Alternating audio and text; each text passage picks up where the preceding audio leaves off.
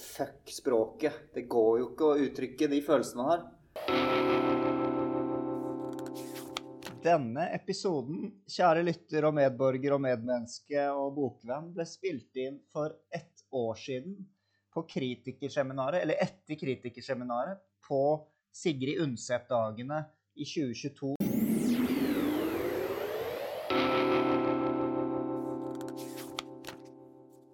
Hei, kjære lytter, medmenneske, medborger og bokvenn. Eh, Vi sitter nå på banken for tredje år på rad. Hva skal vi kalle dette? Eh, Oppsummering, Takk. debrifing, eh, dekomprimering. Ja, I festivalens etterglød. Det er lørdag. Mange har dratt allerede. Det kan vi kanskje komme inn på hvorfor. Men jeg sitter her med Hilde Susann Jektnes. Velkommen til deg. Takk. Johanna Sjankowska. Velkommen til deg. Tusen takk. Eh, la oss starte med Vi har vært på kritikerseminar, noen av oss. Eh, hvorfor er ikke mm, kritikerne Deltar ikke de mer som publikum på selve festivalen, tror dere?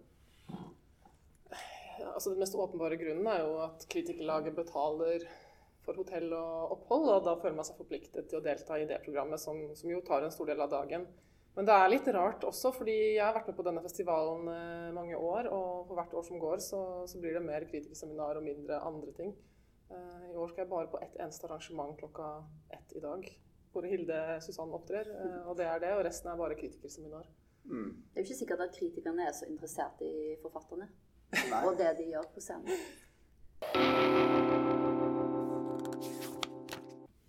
Forresten, jeg har en teori på hvorfor vi kritikere ikke går på så mye forfatterarrangementer.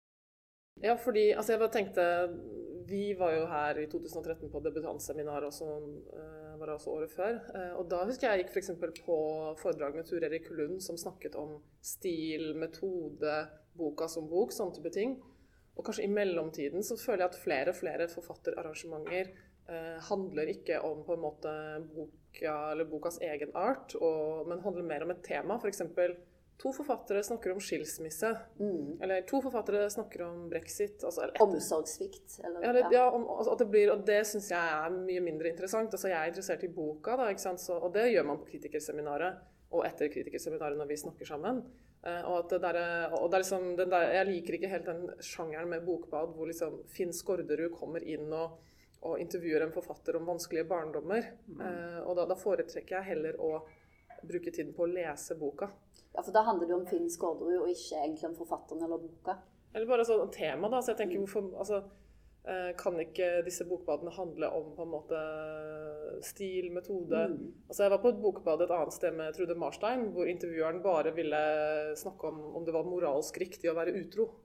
Mm. Mens Trude Marstein ville snakke om sin metode og sine tanker rundt det å være forfatter. Og det ble litt sånn krasj, men jeg tenker at det er jo Trude Marstein som hadde rett. Eh, Det er det egentlig som er interessant for en forfatter å snakke om. Ja, men så synes jeg også det spørsmålet man alltid får Hvorfor skrev du denne boka? Er det et interessant spørsmål? Jeg vet ikke. Det er litt sånn eh, halvveis privat, men halvveis sånn eh, trivielt, egentlig. I, i, I forhold til hva boka handler om, og hvordan den ble. Jeg vet ikke, fordi det virker som at det alltid er inngangen inn til å snakke om en bok. Hva er tematikken du skal snakke om nå etterpå? Altså, Nå skal jeg bare lese høyt fra boka. Ja. eh, boka mi, men i går ble den plassert i en kontekst som eh, en, eh, ja, egentlig exofiksjon. Altså en, en roman som handler om eh, en historisk virkelig person, men allikevel er fiksjon. da. Og det gjorde også boka til Eva Tind. Hun skrev om Ja. eh, en dansk eh, biolog som påviste kontinentaldrift, men som har blitt ignorert. Oh, ja. Så det var ja, min eh, historiske personen Alexander Hamilton har jo ikke blitt ignorert, men eh, heller kanskje ikke, han er heller ikke den mest kjente av de amerikanske grunnleggerne. Exofiksjon. Ja, det er et begrep som de bruker mye i Danmark, men så det har dukket opp et par ganger her i Norge. Vet du hva vi kaller det på ungdomsskolen der jeg jobber? Nei? Faksjon. Det Ja. er sant. Fakta og fiksjon i blanding. det var snedig. Ja. Ja, ja. Ja. Exofiksjon er kanskje bedre. Jeg tror ikke så mange vet hva det betyr, så jeg er ikke sikker. Men det er ikke en fraksjoner, så Men eh, vi, skulle, vi skulle jo hatt noen debutanter her, det fikk vi ikke til. Men eh, dere har jo vært debutanter og deltok på debutantseminaret. For det er også noe som foregår på denne ganske rike egentlig litteraturfestivalen. Det er jo en institusjon i norsk eh, hva skal vi kalle det, litterær offentlighet, norsk, norsk kulturliv. Virkelig står støtt i denne byen mm. og i dette landet. Men la oss kjapt eh, kanskje, Hvordan har det vært dette kritikerseminaret? Vil du si litt om det, Johanne? Ja, det, det har handlet om hvorfor folk valgte å være kritikere, og hva kritikk kan og bør være, som eh, var veldig interessant. Eh, og det som eh, kom fram, syns jeg, er at kritikeren At de, mange ser på kritikeren som noen som kommenterer virkeligheten, og ikke bare bøkene. Og f.eks. Tom Egil Verven fra Bokmagasinet snakket om at kritikk er å yte motstand, og at f.eks. det at vi er i en klimakrise, det skal og bør påvirke vår vurdering av, av litterær kvalitet. Mm. Eh, og det var litt sånn som Leo Robson, som var en eh, britisk kritiker som også holdt et foredrag. og Han sa også dette med at vi, at, om å la kritikk bli forurenset eh, eller påvirket av fakta og kontekst, som er jo litt av det samme. Da blir det en slags moralsk domstol, eller det som vi ønsker at kritikk skal være? Ja, på en måte Eller moral, det betyr ikke at det må være en moralsk fordømmelse, eller mer en uh, beskrivelse av ja. hvordan verden uh, påvirker eller ikke påvirker litteraturen. Og, Det var jo det samme Bernhard Ellefsen som snakket om at kritikk er et verktøy for å tenke og kritisere verden. Uh, og han gikk så langt at han så bøker som et symptom på, på ting som er galt med f.eks. ideologien eller dårlige strømninger i verden. Og da hvis man på en måte er kritisk til de dårlige strømningene eller ideologiene, så kan man da kritisere de bøkene som er et symptom på det. Eh, noe jeg personlig er eh, bare delvis enig i, kanskje mest uenig i. For jeg tenker jo at det er eh, mer enig med Karina Bedari, som også nyanserte Ellefsens eh, innlegg dagen etter, hvor hun sa at eh, kritikk eh, også skal handle om, om, om skjønnhet, da, å se det skjønne i skjønnlitteraturen. Og at bøker er et kunstobjekt som ikke bare skal brukes i en sånn nyttetenkning. Å, dette er et symptom som, som, gjør at jeg kan kritisere at det er for mye psykologer i samfunnet, f.eks. Men at boka er jo et kunstobjekt i seg selv som bør faktisk leses på litt andre premisser enn f.eks. rene meningsytringer. Så, så, sånn sett så var det jo dynamisk og interessant hvor de var litt uenige med hverandre. Og så Frode Helmik Pedersen uh, oppsummerte også litt med han var sist, men at uh, hvordan, hva kritikernes rolle er i en human, kritisk opplyst offentlighet. Og hva, måte, at, det, at, det, er vår rolle å være kritisk til mange ting. Og, så jeg syns det ble veldig fint. Og, men i den paneldiskusjonen Siste jeg skal si nå, men at den paneldiskusjonen etterpå var kanskje litt Eh, pessimistisk, da, fordi eh, Eirik Vassheim bl.a. viste til at eh, ungdommen, generasjonene måtte under oss tre, da, at de ikke leser avisene lenger. De leser jo ikke bøker heller. hva kan vi si. Nei. Følger at hele litteraturen holder på å bli utdefinert og ja. valgt bort. Irrelevant. Ja, eller at de, alle de kapitalkreftene ikke sant, vinner. da, Facebook, Instagram, at folk er der og ikke mm. Netflix. Ja, og, at... det, det så, og, TikTok må jo nevnes her. Mm. Det, det ble nevnt i går okay. uh, at ja, det ble sånn ironisk av uh, Er det dit kritikken må gå, da? Til TikTok. Men det er jo stort på TikTok, uh, BookTok, mm. som er um... Ja, Instagram-anmeldelser er jo ja, jeg får egentlig ganske mange anmeldelser på Instagram av folk som har lest boka. Ja. Gode og dårlige. Mm. Eh, og så hashtagger de boka mi. Og det er jo interessant å se, selv om det er selvfølgelig mye mer slurvete enn skrevet enn en ordentlig anmeldelse. Så. Men det var jo som det ble murret i krokene. Eh, er kritikken i krise, ikke sant? men den har alltid vært i krise, var det noen som sa, helt siden den oppsto mm. som institusjon liksom, på 1700-tallet, eller når det var. Mm. Er, det sånt, er, det bare det som det er? At er vi er alltid i krise. Og jeg tenker jo at uh, kritikk er ikke for alle, verken uh, altså de som skriver det eller de som leser det. det er, både skribentene og leserne er en minoritet og må kanskje også innfinne seg med det. At veldig mye bokanbefalinger foregår fra venn til venn. og at egentlig de på Instagram har jo større kanskje reach enn det vi skriver noen ganger. Kanskje ikke du, Jonas, du som skriver i NRK. Da. Dere har jo mye reach. Mm, mm. Men men jeg tenker jo at det, det er viktig å fornye seg, fordi, eh, fordi det, det, som, det, som, man lander på, er jo ikke at eh, ungdom velger bort kritikken, men at de ikke i det hele tatt kommer i kontakt med den. Og det er kanskje det som er litt trist. Men det betyr jo fortsatt mye for forfattere. Mm. Eh, og jeg kan jo ikke late som ikke det er tilfellet etter at jeg i går eh, konfronterte en kritiker som slakta tredjeboka mi i 2016. Ganske sent på kvelden. Så det er jo tydelig at eh, når, eh, når urkreftene kommer ut, så, ja, så, er det fortsatt, så betyr det jo litt, tydeligvis. Mm. Uten tvil. Hvordan tok eh, vedkommende dette? Nei, han tok det veldig fint. Eller han, jeg, tror han, jeg tror han er en kritiker som liker motstand og debatt, så jeg tror han moret seg. Ja.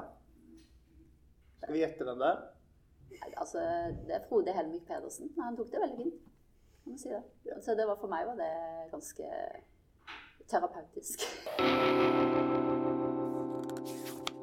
Men hvordan var det det, Nå er vi, nå er vi Skal vi se, vi er ni år for sene, da. Hvordan var det hvordan, Men det, vi, dette opptaket gjør vi jo for fremtiden.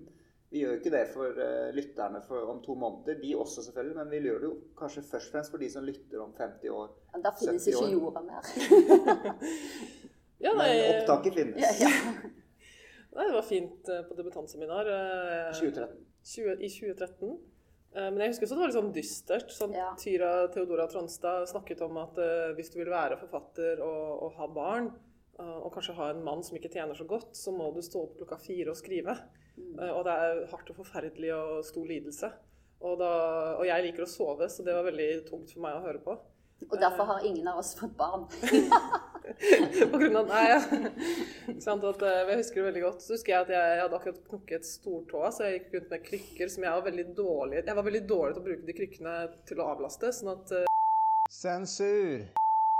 hadde gjort liksom gravejournalistikk ved å observere meg en kveld, og han mente at jeg ikke hadde egentlig knukket stortåa. Fordi jeg likevel belastet foten, så, så jeg ble avslørt. Eh, Og hva var dine motiver å gå med krykker ifølge han? eh, godt Vil ha sympati. Eh, at jeg, jeg vet ikke. Men jeg tror det var humoristisk ment, altså. Det debutantseminaret i 2013, var det motiverende for dere som debutanter? Var det stimulerende? Det var fint å møte de andre debutantene. Ja, og de har iallfall jeg også fortsatt god kontakt med noen av de. Eh, ja, eh, en av de endte jeg opp med å bo sammen med, og det var deg. men eh, ja, men det var, jeg syns også det var et fellesskap som var fint. Men det meg- hele min begynnelsen av min bokkarriere var preget av usynlighet. Så for meg var det den eneste opptreden eller sammenhengen jeg var invitert til på mange, mange år. Mm. Så ja, og det visste jeg jo ikke da at det skulle bli. På mange år, ja. Ja, ja, veldig mange år. Ja, for de lyttere som ikke vet det, du er jo forfatterinnen bak den legendariske kronikken 'Hvem må man ligge med i denne byen for å bli anmeldt'? Det var ikke så langt. Hvem må jeg ligge med for å bli anmeldt?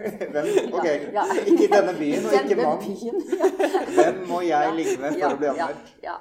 ja, og det fikk jo ingen anmeldelser av kronikken, men det var iallfall mange som leste den og, og humret gjenkjennende. Så Og så ble den et slags vendepunkt, fordi etter den kronikken så fikk du jo anmeldelser. Nei, det var jo først eh, den, den ene, eh, Det var jo først tredje bok Mm. som jeg fikk denne da, 'Slakten', som jeg eh, ja, Ja. snakket om med kritikeren i går. Og jeg lå jo ikke med han engang. Men i dag er du i hvert fall tilbake som artist på litteratur... Jeg liker ordet artist på litteraturfestival. Det er noe. Ja. performativt over det. Det har noe sånn stjerner ved seg. Litt glitter. og Så fra debutantseminaret i 2013, har du hørt noe rykte fra debutantseminaret i 2022, eller? Jeg tror de ble litt skremt, for det var også litt dystert i år, eh, har jeg hørt rykter om, når det gjelder ja, utsikter til å kunne faktisk leve og være forfatter. Ja. De tror jeg ble kverket. Er det, av- ja. ja. er det den samme krisen, som kritikken alltid krise, og forfatteren er på en måte alltid i skvis? Eh, forfatterøkonomien? Ja, iallfall Altså, jeg tror som forfatter så er det jo lurt å ha en, minst et annet bein å stå på. Og det tror jeg også kan være sunt, egentlig. Å ha en annen jobb eller um, en annen hobby, holdt jeg på å si, som er, så ikke det blir så enspora. Mm. Så jeg syns jeg har egentlig ikke som personlig noe problem med det. Eh, Jeg har jo alltid bare hatt andre jobber og sånn. Men, um, men jeg skjønner jo at hvis du er for- forfatter og er veldig ja, glad for å ha blitt antatt og gitt ut, så selvfølgelig vil, Det er jo ikke det du vil høre av eh, veteraner. Nei, Da må man enten eh, arve, skrive en bestselger, eller få et stipend, eller få seg en rik eh, make. Sugar daddy. Eller alle fire? Ja. På én gang. Arve, bestselger, få stipend og rik partner. Da kan du skrive resten av livet. ja. Da må du være veldig sjarmerende og energisk. Men jeg har lyst til å bare nevne én ting jeg lærte på kritikerseminaret til slutt. eh, Og det lærte jeg på middagen, faktisk. Av Bernhard Ellefsen. Han holder sånn kurs blant skøykritikk, og han sa noe jeg syns er interessant. Alle sitater Det har du sikkert Du har jo han som redaktør. eh, Kanskje han har sagt det til deg. Alle sitater i en anmeldelse må gjøre minst to ting. Fordi du har, så, du har plassmangel. Så sitatet må få frem når du siterer fra verket du anmelder. Det må liksom få fram ikke bare én side ved verket, men to. Og Det syns jeg var veldig kult og tankevekkende, og det har jeg lyst til å jobbe videre med. Jeg, vet, jeg lurer på om det etterleves, og jeg skulle gjerne sett eksempler på det. Men det høres jo ganske eh, ja, utfordrende ut å skrive på den måten. Men det er Ja. veldig fin ambisjon, da. Veldig fin ambisjon. Ja, ja. Mm. Så eh, ja. Tusen takk for at dere delte av deres eh, litteraturfestival 2022 og 2013 i retrospekt. Kan jeg si to sånne sladderting? Veldig gjerne. Ja. For det første fikk jeg en klem av Jan Kjærstad, som gjorde meg veldig starstruck.